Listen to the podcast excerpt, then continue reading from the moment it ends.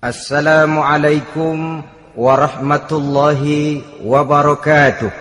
وعليكم السلام ورحمة الله وبركاته بسم الله الرحمن الرحيم. الحمد لله رب العالمين والصلاة والسلام على أشرف الأنبياء والمرسلين سيدنا ومولانا محمد وعلى آله وأصحابه المجاهدين الطاهرين أما بعد Saudara-saudara kaum muslimin rahimakumullah Pada pertemuan kali ini kita akan membicarakan riwayat Nabi Adam alaihi salam Nabi Adam diciptakan oleh Allah dari tanah dan merupakan manusia pertama serta bapa dari seluruh umat manusia. Pada saat Allah hendak menciptakan Nabi Adam, Allah berkata kepada malaikat, Inni ja'ilun fil ardi khalifah. Aku akan menjadikan seorang khalifah di permukaan bumi. Malaikat dengan nada sedikit protes berkata, Ataj'alu fiha mayufsidu fiha wa yasfiku dima wa nahnu nusabbihu bihamdik wa nuqaddisu lak. Tuhan, apa perlunya engkau ciptakan seorang khalifah di permukaan bumi? Kelak kalau mereka berkembang biak, kerjanya hanya akan melakukan kerusakan, menumpahkan darah, saling bermusuhan satu sama lain. Sedangkan kami, kata malaikat, sudah cukup bertasbih memuji kebesaranmu Allah kemudian menjawab, Inni a'lamu ma la ta'lamun. Aku lebih tahu tentang apa yang kalian semua tidak mengetahuinya. Setelah diciptakan Nabi Adam daripada tanah, ditiupkan roh, maka Allah kemudian mengajarkan kepada Nabi Adam berbagai macam ilmu pengetahuan. Wa'allama Adam al-asma'a kullaha Kemudian Allah mengajarkan Nabi Adam nama-nama segala sesuatu. Nama merupakan simbol daripada ilmu pengetahuan. Nabi Adam akan dijadikan khalifah di permukaan bumi. Maka dibekali oleh Allah Subhanahu wa taala al-asma'a kullaha, nama-nama segala sesuatu yang dimaksud di sini ialah al-ulumal katsirah ilmu pengetahuan yang banyak. Malaikat pada mulanya protes. Kami kan sudah cukup bertasbih Tuhan. Kami kan sudah cukup memujimu. Untuk apa lagi membuat manusia sebagai khalifah di permukaan bumi? Seolah-olah malaikat tidak setuju Allah yang maha tahu rahasia segala sesuatu memberikan fonis aku lebih tahu tentang apa yang kalian semua tidak tahu. Oleh karena Nabi Adam dipersiapkan untuk menjadi seorang khalifah di permukaan bumi, maka dibekali oleh Allah dengan ilmu pengetahuan. Begitu Nabi Adam dan begitu kita. Karena bukan cuma Nabi Adam, kita pun oleh Allah dijadikan sebagai khalifah-khalifah di permukaan bumi ini yang nilai kekhalifahan kita bergantung kepada kondisi kita masing-masing. Ada orang yang menjadi khalifah level internasional, menjadi pemimpin dunia Islam. Ada orang menjadi khalifah level nasional saja. Ada khalifah tingkat kota saja. Ada khalifah tingkat kecamatan ada khalifah tingkat RW, RT, sekurang-kurangnya khalifah untuk tingkat rumah tangga masing-masing. Nah, tanpa membekali diri dengan ilmu pengetahuan, jangan berharap kita akan bisa melaksanakan tugas sebagai khalifah di permukaan bumi ini. Apa pun saja, Nabi mengajarkan man arada dunya fa'alaihi bil ilmi wa man arada al akhirata fa'alaihi bil ilmi Wa man aradahuma fa'alaihi bil ilmi. Siapa yang menginginkan dunia harus dengan ilmu. Yang menginginkan akhirat juga harus dengan ilmu. Yang menginginkan dunia akhirat juga harus dengan ilmunya. Tanpa dasar ilmu, maka manusia tidak akan bisa menjalankan tugas kekhalifahan. Setelah diajarkan Adam nama segala sesuatu, dikonfrontir, dihadapkan dengan malaikat. Hei malaikat, kalau tadi kamu bilang buat apa perlunya menciptakan khalifah? Nih bentuknya. Adam. Sekarang hei malaikat, coba kamu sebutkan nama segala sesuatu ini yang ada di sini ini.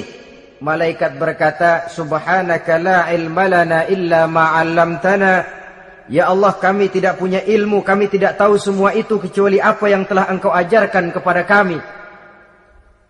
Kalau kamu tidak sanggup, Adam, sebutkan nama-nama semua itu. Adam menyebutkannya dengan lancar. Ketika itulah Allah memerintahkan malaikat untuk sujud kepada Nabi Adam alaihi salam. Sujud di sini bukan sujudul ibadah, Sebab sujud ibadah kepada yang selain Allah haram. Tapi sujud di sini sujudut tawadhu i'tirafan bifadili Adam. Sujud merendahkan diri sebagai pengakuan terhadap keutamaan dan kelebihan Nabi Adam. Maka orang yang banyak ilmunya lebih utama dari orang yang hanya banyak ibadahnya. Bahkan iblis lebih takut kepada orang alim yang sedang tidur daripada orang goblok yang lagi ibadah. Model ini diceritakan dalam ihya'nya Imamul Ghazali. Iblis masuk ke masjid mau menggoda orang lagi sholat. Sudah masuk di pojok masjid dia lihat orang lagi tidur. Ngacir iblis keluar cepat benar. Pucat mukanya. Ketemu di jalan sama temannya Kenapa lari, Mas?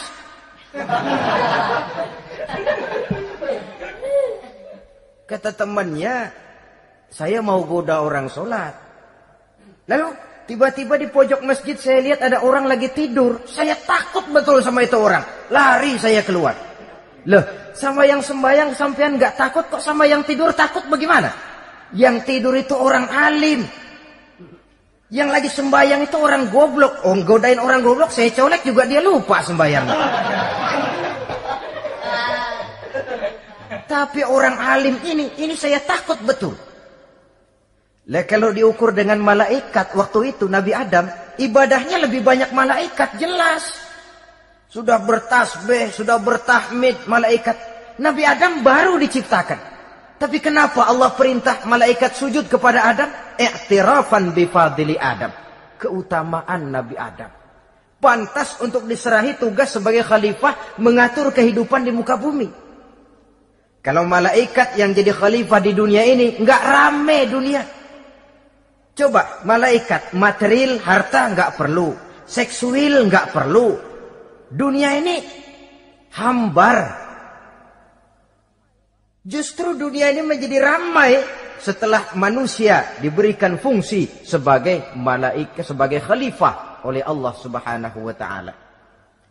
Saudara-saudara kaum muslimin rahimakumullah, setelah nyata kelebihan Nabi Adam, maka Allah perintahkan Nabi Adam tinggal di surga dengan segala kenikmatan yang ada di dalamnya. Tapi lantaran sendirian kesepian Nabi Adam ini. Allah Maha tahu maka diciptakannya pasangannya yaitu Siti Hawa dari tulang rusuk yang sebelah kiri. Sehingga Nabi pernah pesan begini, Istausu bin nisa fa innahunna khuliqna min dhil'in. Hati-hati kamu ngadepi perempuan. Yang tolong dengar nih yang laki-laki. Yang perempuan belaga budak aja dulu lah. Hati-hati kamu ngadepi perempuan. Fa innahunna khuliqna min dhil'in karena perempuan diciptakan dari tulang rusuk sebelah kiri. Apa watak tulang rusuk? Tulang rusuk itu kan bengkok. Perempuan tuh begitu. Didiemin aja, bengkok terus, dikerasin patah.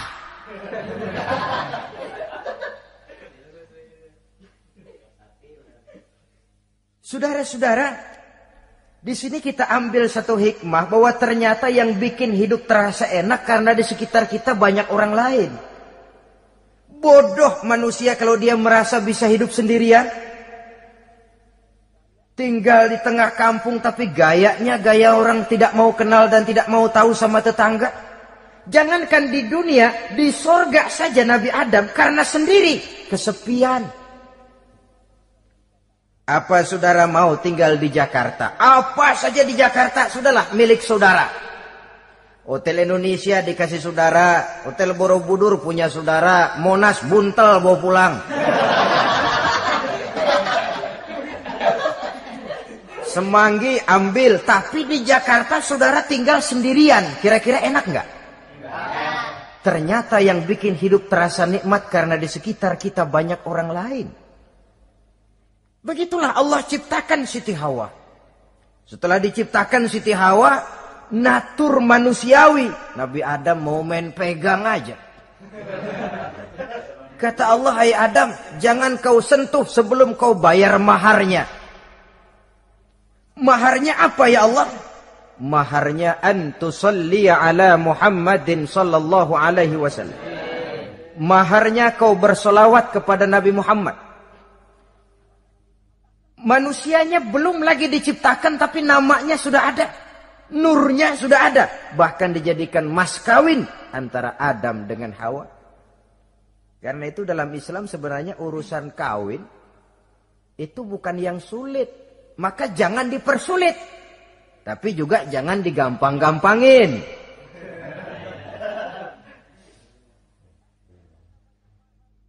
Artinya yang namanya mahar ini Walaupun cuma sebentuk cincin besi kalau orang sangat tidak mampu. Bahkan dengan mengajarkan fatihah saja sah sudah. Saya terima nikahnya Fulanah binti Fulan dengan mas kawinnya saya ajarkan dia surah fatihah. Kalau memang kere betul, tidak punya apa pun, sah sudah itu. Agama ini mudah, karena itu jangan dipersulit, tapi juga jangan digampang-gampangin. Setelah itu Allah memerintahkan Ya Adam uskun anta wa zawjukal jannah. Hai Adam, kau dan istrimu tinggallah dalam sorga. Wa kula minha ragadan haitsu syi'tuma. Segala makanan yang ada di dalamnya boleh kau makan. Pakaian yang aneka warna boleh kau pakai. Nikmati seluruh fasilitas yang ada di sorga ini. Cuma atuk aja dam. Yang lain boleh dah. Mau ngapa pakai atuk aja jangan. La taqraba hadhihi syajarah. Jangan kamu dekati pohon khuldi itu. Dekat saja jangan. Apalagi sampai metik. Jangan Adam. Saudara, ma'asyiral muslimin, itulah watak manusia. Kalau ada sepuluh persoalan yang sembilan boleh, yang satu tidak boleh, yang tidak boleh yang bikin dia penasaran. Gue pengen tahu ngapa kagak boleh sih timbul penasaran. Apalagi iblis selalu berusaha. Sebab pada waktu malaikat disuruh sujud. Semuanya sujud kepada Adam. Iblis tidak mau sujud. Tuhan tegur. Iblis. Kenapa kamu tidak mau sujud? Mana mungkin Tuhan. Saya akan dibikin dari api kata iblis. Adam dari tanah unsur api lebih mulia dari unsur tanah. Masa saya harus tunduk kepada Nabi Adam? Gengsi dong. Adam kan anak kemarin sore baru dibikin. Masa saya harus tunduk kepada orang yang macam itu? Ini kan perintah aku iblis. Kalau kau tidak mau tunduk, keluar dari sorga ini. Terusir iblis dari sorga karena kesombongannya tidak mau sujud kepada Adam. Nah, logika kalau udah di sorga aja sombong diusir, apalagi yang masih tinggal di pinggir kali sombong.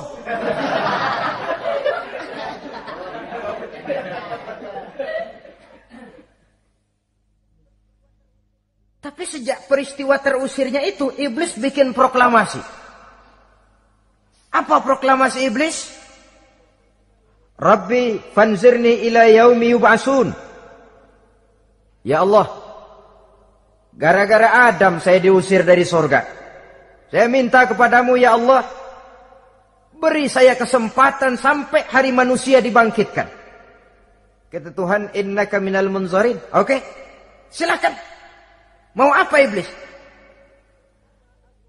Rabbi bima aghwaytani la uzayyinanna lahum fil ardi wa la ughwiyannahum ajma'in.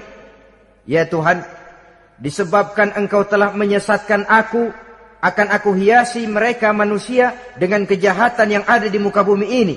Dan aku akan sesatkan mereka semua. Ini proklamasi iblis. Gara-gara Adam saya terusir dari sorga. Maka sejak saat ini Adam dan seluruh keturunannya musuh bebuyutan saya. Akan saya lakukan segala macam cara untuk menggelincirkan manusia. Agar mereka menjadi orang yang engkau murkai ya Allah. Kemudian Allah memberikan jawaban. Dialog ini saudara bisa lihat dalam surah Al-Hijr. Ayat 40, 41 sampai 44. Kata Allah apa? Inna ibadi laisa laka alaihim sultanun illa man ittaba'aka minal ghawin. Silahkan iblis. Yang lain barangkali bisa kau goda. Kecuali hamba-hambaku yang benar-benar hambaku. Engkau tidak akan punya daya mempertipu mereka. Engkau tidak akan punya kemampuan menggelincirkan mereka. Kecuali kalau memang mereka sudah mau ikut pengaruhmu. Sepanjang mereka benar-benar menjadi hambaku, kata Allah. Hamba Allah yang sebenarnya. Mereka di luar kekuasaanmu, iblis. Tapi kalau mereka sudah turun menjadi hamba harta, hamba dunia, hamba pangkat, budak jabatan. Mereka itu yang bisa kau gelincirkan. Selama mereka masih tetap sebagai hambaku, kata Allah. Mereka di luar jangkauan kekuatan dan kekuasaanmu, iblis. Nah, Sejak saat itu kan iblis selalu nyari jalan. Nyari lantaran bagaimana Adam nih. Supaya dia tergelincir. Gara-gara dia saya diusir dari surga. Nguping terus iblis. Sampai akhirnya dia dapat berita tentang dilarangnya Nabi Adam mendekati pohon khuldi itu. Satu hari dengan muka sedih. Ya, iblis itu the best actor. Aktor ulung dia. Dengan roman muka sedih. Dia datang kepada Nabi Adam dan Siti Hawa. Kata Nabi Adam, iblis, ente kok tampangnya demek amat sih?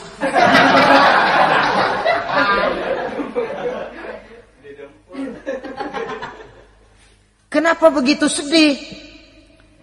Adam, saya sebenarnya tidak ada yang bikin saya sedih. Cuma saya dapat berita bahwa engkau tidak akan selamanya di dalam sorga ini. Wah Adam kalau engkau bisa tetap tinggal di sorga bersama istrimu alangkah bahagianya saya kata iblis. Tapi saya dapat kabar ente nggak bakalan lama-lama di surga. Buktinya ente dilarang makan buah khuldi. Khuldun artinya kekal. Kalau kau Tuhan nggak pengen makanya dilarang. Wa qasamahuma inni lakuma laminan nasihin untuk memperkuat omongannya sumpah si iblis Bener dam, saya sih ngomong cuma buat kepentingan ente. Saya sayang sama ente. Oh, yang tahu cuma saya dah. Bicaranya seolah-olah untuk kepentingan Nabi Adam. Sebenarnya tujuannya tidak lebih iblis zaman dulu, zaman Adam, dan begitu iblis zaman sekarang.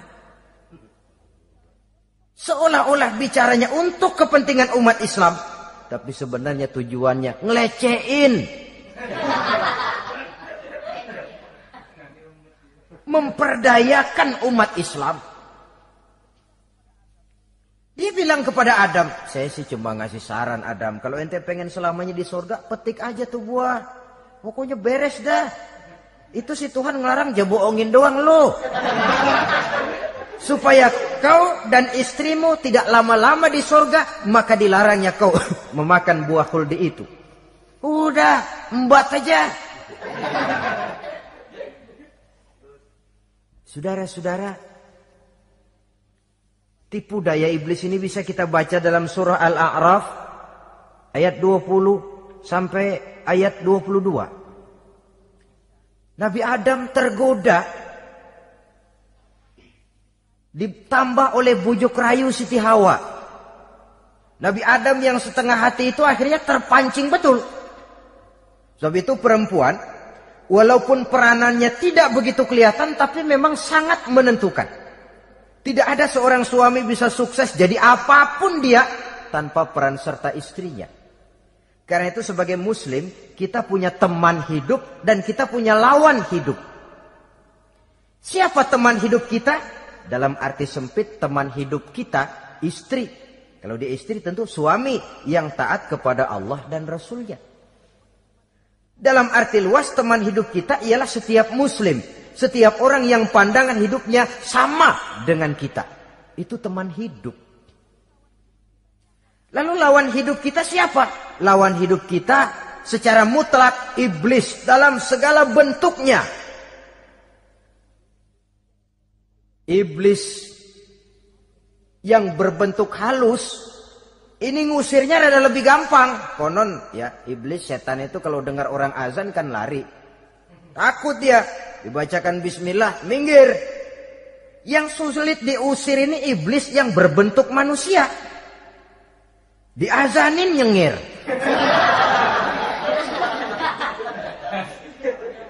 Gawat ini. Saudara-saudara, ini musuh dalam artian mutlak, sedangkan musuh dalam artian ideologis setiap orang yang pandangan hidupnya tidak sama dengan kita. Bahasa langsungnya setiap orang di luar Islam secara ideologis, ya. Adapun secara manusiawi kita tetap toleransi, saling menghormati, setuju dalam perbedaan pendapat kembali kepada prinsip lakum dinukum kewajiban saling menghormati sesama manusia tapi secara ideologis tidak ada kompromi. Begitulah Nabi Adam tergoda. Dan begitulah iblis selalu menggoda keturunan-keturunan Nabi Adam. Sampai kepada kita sekarang ini. Tiap kali kita hendak melakukan berbagai kebaikan. Iblis ini mulai bisik kasa, kusuk, kesek. Saudara tadi dari rumah mau berangkat niat dengerin ceramah macam ini. Apa dikira iblis enggak? Wah, gatal iblis. Kata iblis, alah jangan bertingkahlah dengerin ceramah. Ceramah mah urusan 70 ke atas. Ente masih muda. Berjuang kita. Jihad, bismillah. Tidak, saya mau dengar ceramah. Berangkat kita ke tempat ini. Sampai di sini apa dikira iblis diam? Enggak. Dia bisikin lagi. Iya, lo hadir-hadir ke sono dah. Cuma nyampe sono lo ngomong aja ngomong dah. Ustadz mah jangan didengerin, ngomong aja udah. Perang lagi jihad, saya nggak mau ngomong, mau dengerin betul-betul. Kata iblis, iya lo dengerin dengerin dah, jangan ngomong, cuman pules.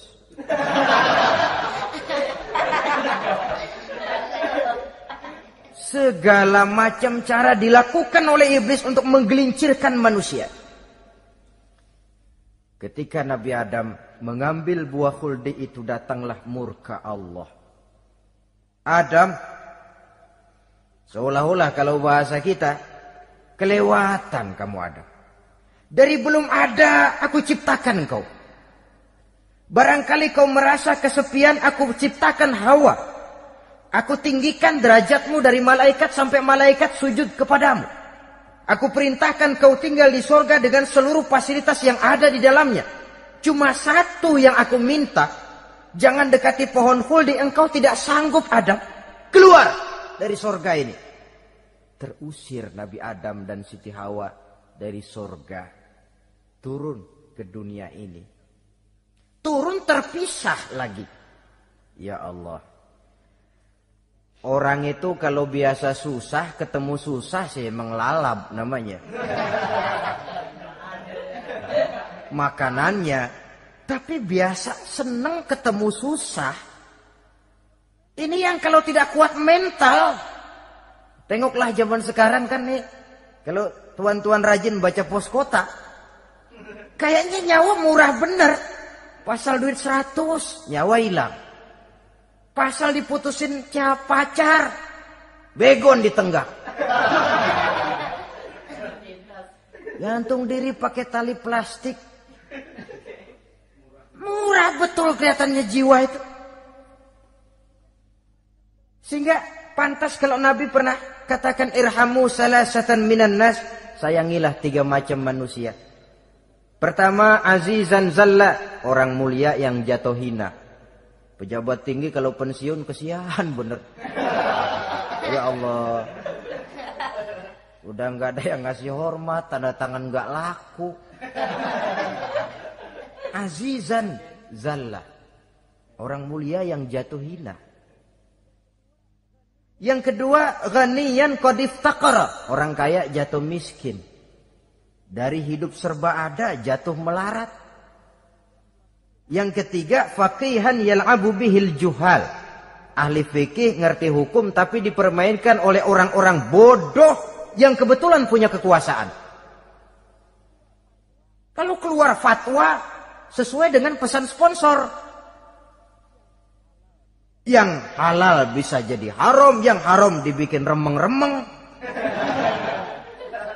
Ahli fikih dipermainkan oleh orang bodoh. Kasihan betul. Terpisah Adam dengan Hawa ini. Adapun Nabi Adam turun menyesal dengan seluruh kesalahannya. Sujud, taubat, menangis. Menurut riwayat 300 tahun beliau sujud seraya membaca Rabbana zalamna anfusana wa illam taghfir lana wa tarhamna lanakunanna minal khasirin.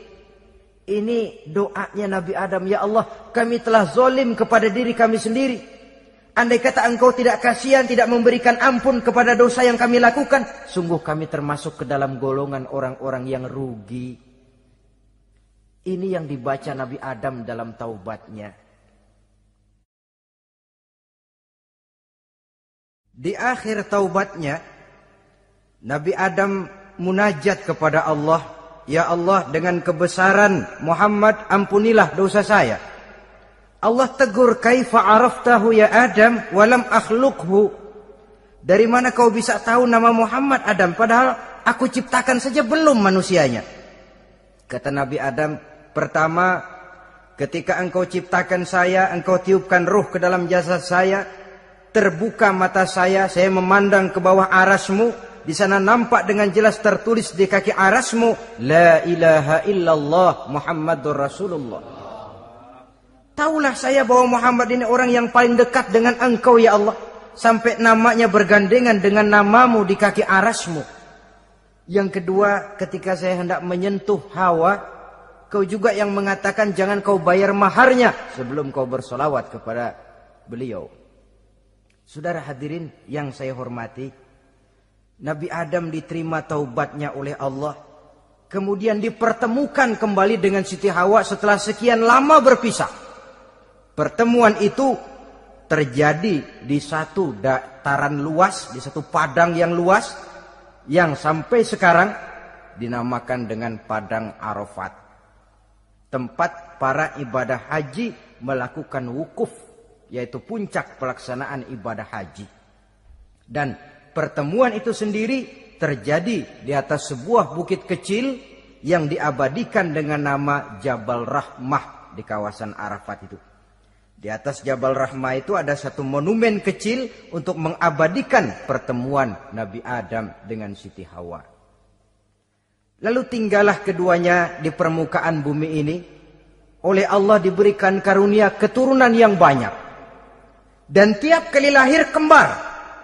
Kembarnya laki perempuan, laki perempuan, laki perempuan. Dari sinilah berkembang biak manusia. Di mana di zaman Nabi Adam perkawinannya silang. Karena tentu tidak ada manusia lain. Perkawinan silang itu artinya kalau si A dan B, A ini laki, B perempuan, kemudian lahir kembar kedua antara C dengan D, maka begitulah yang A dikawinkan dengan D, yang C dikawinkan dengan B. Perkawinan silang.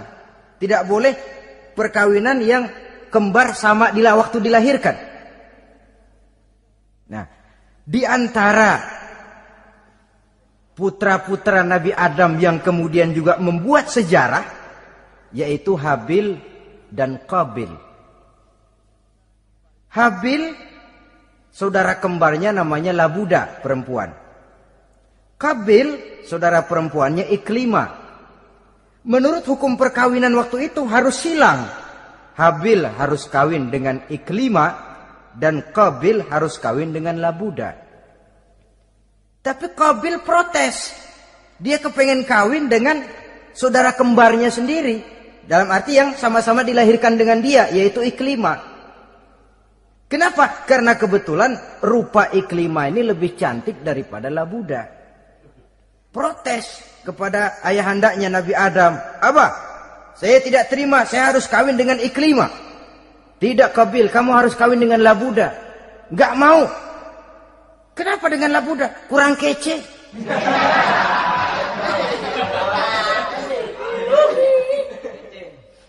Bertengkar bertengkar Nabi Adam tidak berhasil menyelesaikan lalu diserahkan saja kepada Allah kata Allah begini saja bikin korban kamu berdua, Habil, Kabil.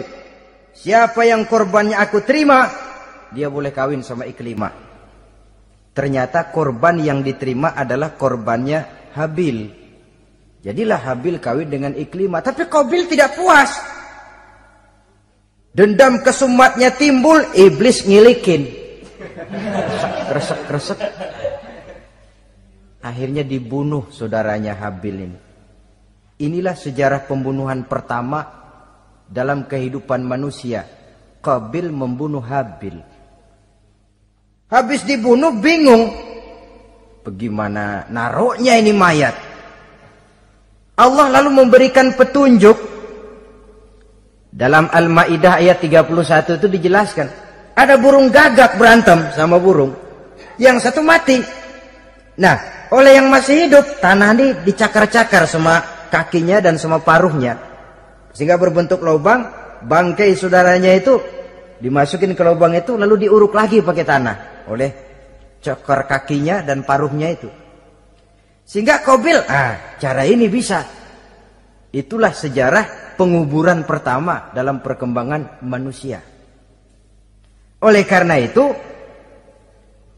Nabi memberikan penjelasan man sanna sunnatan hasanatan falahu ajruha wa ajru man amila biha wa fi riwayatin wa ajru man tabi'aha. Siapa orang yang melakukan satu kebajikan dia akan mendapat pahala dan pahala dari orang-orang yang mengikuti kebaikannya misalnya saudara membentuk pengajian ramai pengajian saudara seribu orang yang datang ngaji seribu orang saudara dapat pahala sponsor kebaikan Sebaliknya wa man sanna sunnatan sayyi'atan falahu ismuha wa ismu man amila biha ay wa ismu man tabi'aha. Siapa yang memulai suatu kejahatan dia akan mendapat dosa dan dosa dari orang-orang yang melakukan atau mengikuti kejahatannya. Umpamanya saudara mengadakan pesta Lalu dalam pesta itu terjadi segala macam maksiat. Maka seluruh maksiat yang terjadi malam itu di tempat itu. Saudara ikut dapat dosanya. Kenapa? Sponsor. Tiap kali ada pembunuhan. Kabil dapat andil dosa. Kenapa? Sponsor.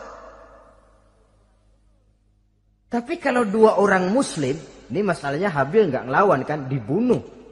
Tapi kalau dua orang muslim berkelahi, kata Nabi apa? Dua apabila dua orang muslim saling berbunuh-bunuhan, maka al-qatil wal maktul finnar baik yang membunuh ataupun yang dibunuh dua-duanya neraka sahabat heran ya Rasul kalau yang ngebunuh masuk neraka pantas tapi ini yang dibunuh kenapa neraka juga soalnya sama-sama niat cuman keduluan aja itu kan masalahnya. Andai kata dia nggak terbunuh, dia yang akan membunuh. Niat itu sudah ada. Nah kalau Habil ini dia tidak punya niat membunuh, dia memang dibunuh oleh Qabil. Saudara-saudara kaum muslimin rahimakumullah. Lalu dari situlah berkembang biak keturunan Nabi Adam alaihi salam. Sehingga dengan demikian bisa kita katakan sebagai satu konklusi. Pertama, bahwa manusia adalah makhluk Allah yang menempati kedudukan tertinggi dan berasal dari Nabi Adam sebagai manusia pertama. Dengan malaikat sekalipun manusia sebenarnya lebih tinggi. Kapan? Kalau dia tetap benar-benar sebagai hamba Allah yang membekali diri dengan ilmu pengetahuan. Laqad khalaqnal insana fi ahsani takwim. Kami ciptakan manusia dalam bentuk yang paling baik. Dan ketinggian manusia itu tidak ditentukan oleh bahan-bahan dari mana manusia diciptakan. Tapi ditentukan oleh adanya roh yang ditiupkan ke dalam jasadnya. Dan kemampuan yang ditimbulkan oleh nilai-nilai rohaniah tadi. Kalau secara biologis kita ini semua bahannya sama. Dari saripati mak tanah yang menghasilkan buah yang dimakan oleh mak bapak kita, membentuk hormon, menghasilkan sperma, terjadi kerjasama yang baik antara ibu dan bapak, sehingga kemudian melahirkan kita ke alam dunia ini. Secara biologis bahan kita sama dan tidak itu yang menentukan ketinggian manusia. Walaupun keturunan juga mempengaruhi sebab Ya, sekarang ada istilah ramai orang bicara bayi tabung. Dan majelis ulama sudah memberikan fatwa kalau spermanya itu berasal dari sang bapak tidak jadi masalah. Tapi kalau dari orang lain haram. Yang lebih celaka lagi di negara maju tidak lewat proses alam rahim. Jadi dalam satu tabung yang diberikan suhu yang mirip dalam kandungan di situ dipertemukan antara sperma, air mani laki-laki dengan ovum, air mani perempuan. Diberikan suhu yang mirip dalam kandungan dan itu diharapkan bisa menghasilkan manusia lewat tabung kaca itu. Saya tidak sanggup bayangkan kalau sekarang orang tanya usul asal usul kita kan kita masih enak jawab. Kamu anak siapa? Oh bapak saya Pulan, ibu saya Pulana. Oh kenal saya. Tapi manusia yang akan datang kalau proyek ini berhasil. Bapakmu siapa? Enggak tahu saya dulu keluar dari tabung pak. Rendah betul martabat manusia. Sama saja dengan ada perempuan pernah protes. Pak Islam itu enggak adil katanya. Kenapa? Masa dalam Islam laki-laki boleh kawin lebih dari satu. Tapi perempuan enggak boleh kawin lebih dari satu. Supaya sama-sama adil boleh dong perempuan punya laki lebih dari satu. Saya bilang justru di situlah Islam itu hendak menjaga martabat manusia. Kalau seorang suami punya istri empat, empat-empatnya lalu hamil, bapaknya jelas. Tapi kalau perempuan satu punya suami empat, lalu hamil, bapaknya yang mana ya?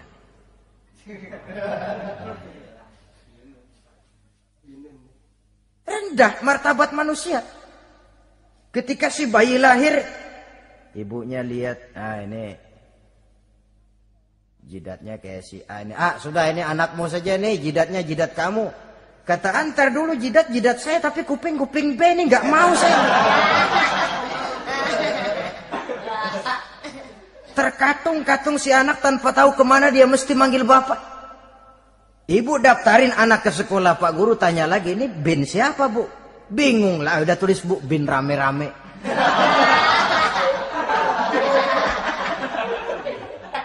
kan rusak martabat manusia kalau sudah begitu.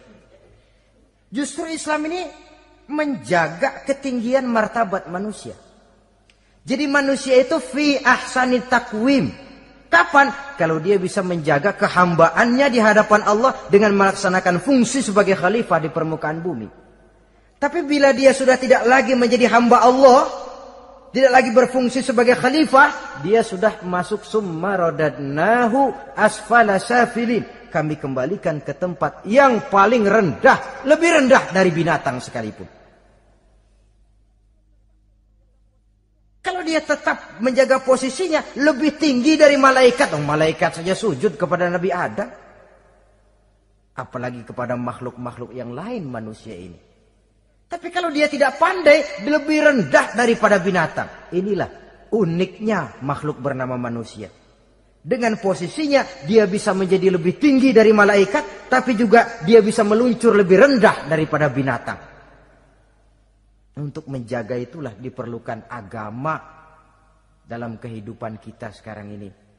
Bukan cuma sebagai lipstick, tapi sebagai pedoman, sebagai way of life yang akan mewarnai cara kita berpikir, state of mind, rule of thinking, cara kita memandang kehidupan ini diwarnai oleh nilai-nilai agama. Dengan demikian maka manusia bukan keturunan kera. So ada satu teori namanya teori evolusi yang disampaikan buat pertama kali oleh Charles Darwin. Dia mengemukakan teori bahwa perkembangan kehidupan sesungguhnya di dunia ini menunjukkan mata rantai-mata rantai yang utama melalui apa yang dia namakan seleksi alamiah. Mula-mula dari ikan melalui seleksi ke amfibi, dari amfibi ke reptil, dari reptil ke mamalia, dari mamalia ke mamalia kecil, dari mamalia kecil ke primat, dari primat ke monyet, dari monyet menjadi Homo erectus. Ini teori Darwin. Tapi dia tidak jelas-jelas mengatakan bahwa manusia keturunan monyet, hanya seketurunan. Seketurunan kan tidak berarti keturunan. Begini saja. Toyota Kijang sama Toyota Corolla itu seketurunan. Tapi Corolla dengan Kijang kan lain. Cuma seketurunan. Dalam arti sumbernya sama. Makhluk yang tidak tahan seleksi alam oleh udara yang sangat dingin, perkembangan cuaca yang sangat panas, gempa bumi dan sebagainya, seleksi alam dia namakan. Hilang, musnah dari peredaran. Seperti ada binatang raksasa itu dinosaurus, sekarang kan cuma tinggal dongeng saja, tinggal nama atau kerangka. Itu oleh seleksi alam dia nggak lulus, hilang. Yang bertahan, yang lulus seleksi alam. Manusia walaupun kecil yang lulus seleksi alam ini. Biar dihantam gempa bumi, angin topan, tetap aja ngejedok. Nah, teori Darwin ini, teori evolusi ini didukung dan dibuktikan oleh peninggalan fosil atau binatang dan tumbuhan yang hidup dan mati selama perkembangannya. Dari bentuk organik pertama hingga pendahulu terdekat daripada manusia. Tapi ada satu kelemahan dari pokok daripada teori evolusi ini, Pertama, garis perkembangan dari Homo erectus, yakni manusia jalan tegak, semacam gorila itu, sampai kepada manusia mutaakhir masih belum menentu. Artinya, oke okay lah, kalau manusia seketurunan dengan kera, batas antara manusia yang wujud sekarang dengan manusia purba itu apa? Yang menjadi penghubung Monyet tidak mungkin. Ini dianggap mata rantai yang hilang, missing link namanya dalam istilah ilmiahnya. Dan ini masih dicari sampai sekarang. Kalau pendahulu terdekat manusia mutaakhir ini manusia purba, katakan Homo erectus, manusia jalan tegak. Lalu generasi sudah itu sebelum berbentuk manusia apa? Ternyata sampai sekarang masih ada missing link, mata rantai yang hilang. Lalu yang kedua, teori evolusi berhenti kepada manusia mutaakhir. Kalau memang kita manusia sekarang ini hasil evolusi, tentu kita akan terus berevolusi lagi. Dan akan jadi apa kita nanti? Ternyata sudah ribuan tahun manusia tetap manusia begini-begini aja. Tidak berevolusi kita ini. Apa lalu matanya jadi cuma satu di tengah? Hasil evolusi kan tidak. Tidak berevolusi. Jadi kembali kepada Quran, manusia pertama adalah Nabi Adam dan manusia-manusia berikutnya keturunan daripada Nabi Adam dan bukan hasil evolusi daripada monyet. Juga tidak akan berevolusi ke mana-mana. Kalau demikian benarkah teori evolusi? Untuk mengatakan mutlak benar bukan wewenang kita. Untuk mengatakan salah total juga kebenaran ilmu adalah relatif sebagai relatifnya daya pikir manusia. Di samping dia harus membuktikan kebenarannya, maka kebenaran ilmiah adalah kebenaran yang relatif dan temporer. Contoh kecil saja. Dulu orang berteori bahwa bagian yang terkecil dari suatu benda namanya molekul, kan begitu? Molekul ini nggak bisa dibagi-bagi. Bagian yang paling kecil dari satu benda namanya molekul. Ilmu terus berkembang. Ternyata molekul sebenarnya terdiri daripada atom. Atom itulah bagian terkecil dari satu benda yang nggak bisa dibagi-bagi lagi. Nah, berubah sudah teori pertama. Tidak jadi molekul sekarang, atom. Belakangan rupanya atom masih tersusun dari partikel-partikel. Partikel inilah bagian yang terkecil dari satu benda berubah lagi sudah. Dan tidak mustahil akan ada penemuan bahwa partikel pun masih bisa dibagi-bagi lagi.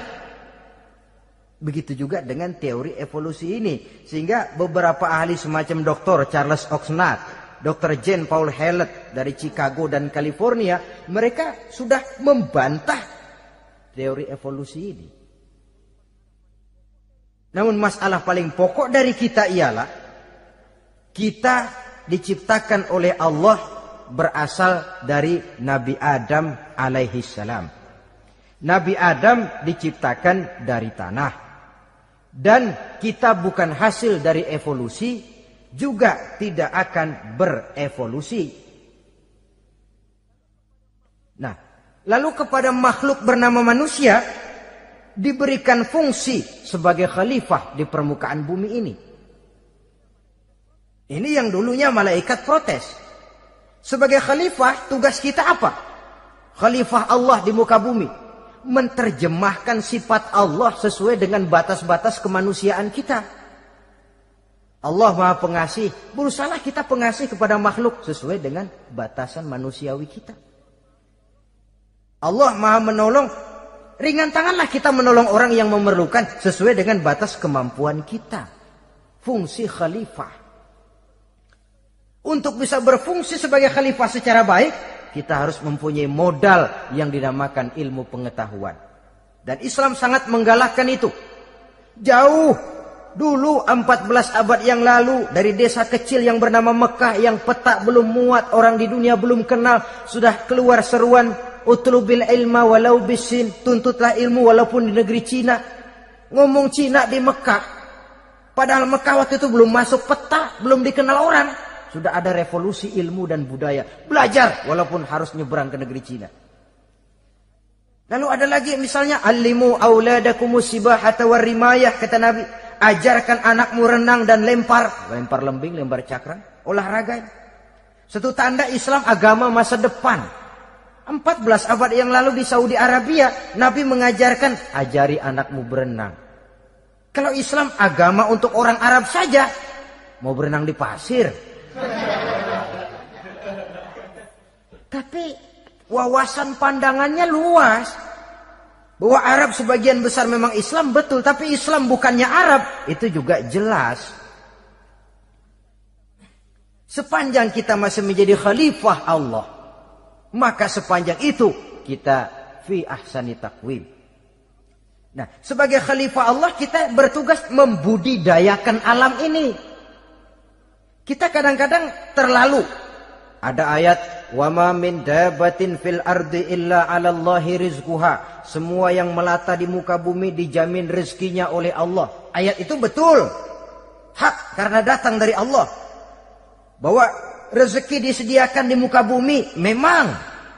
Tapi rezeki itu tidak turun begitu saja laksana jatuhnya embun di waktu pagi.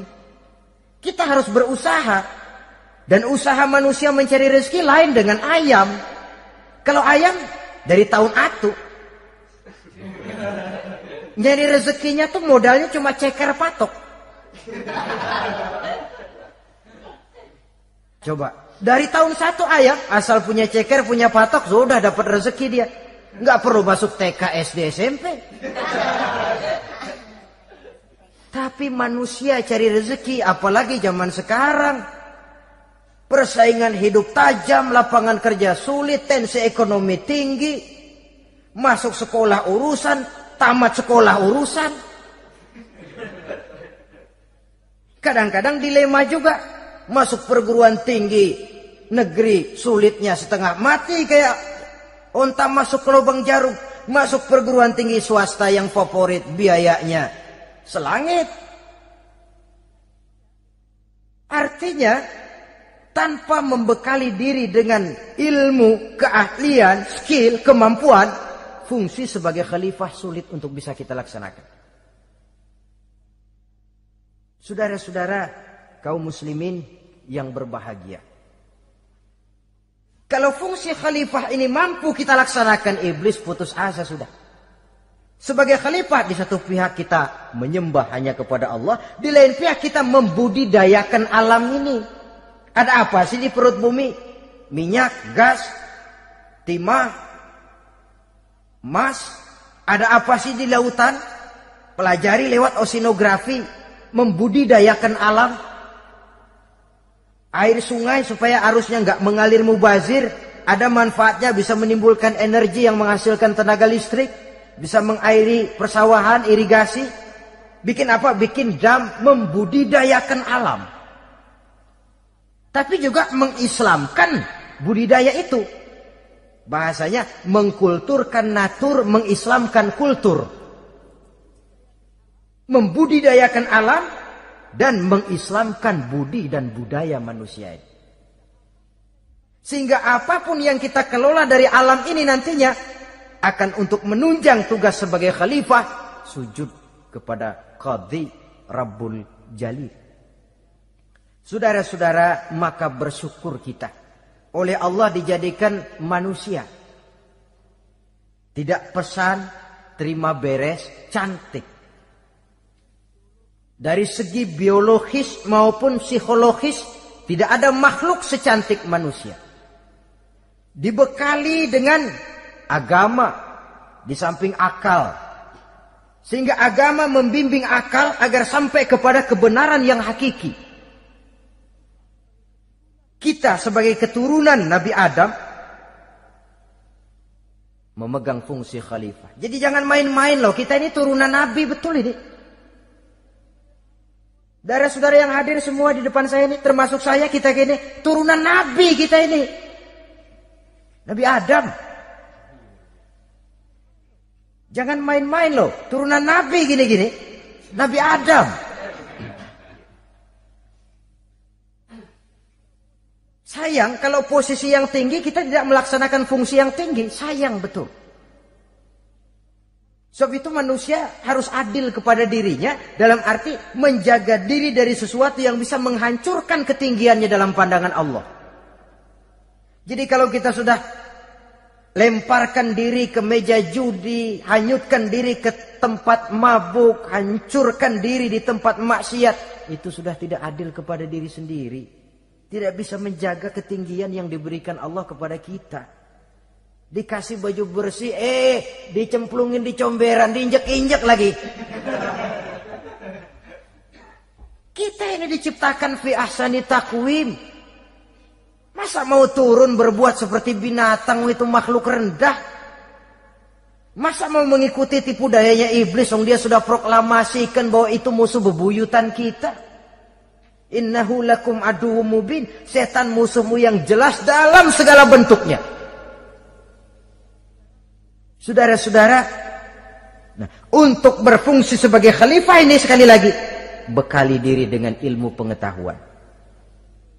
Dan ilmu itu di zaman kita sekarang tentu kalau Nabi Adam diajari langsung oleh Allah wa 'allama Adam al-asma'a kullaha.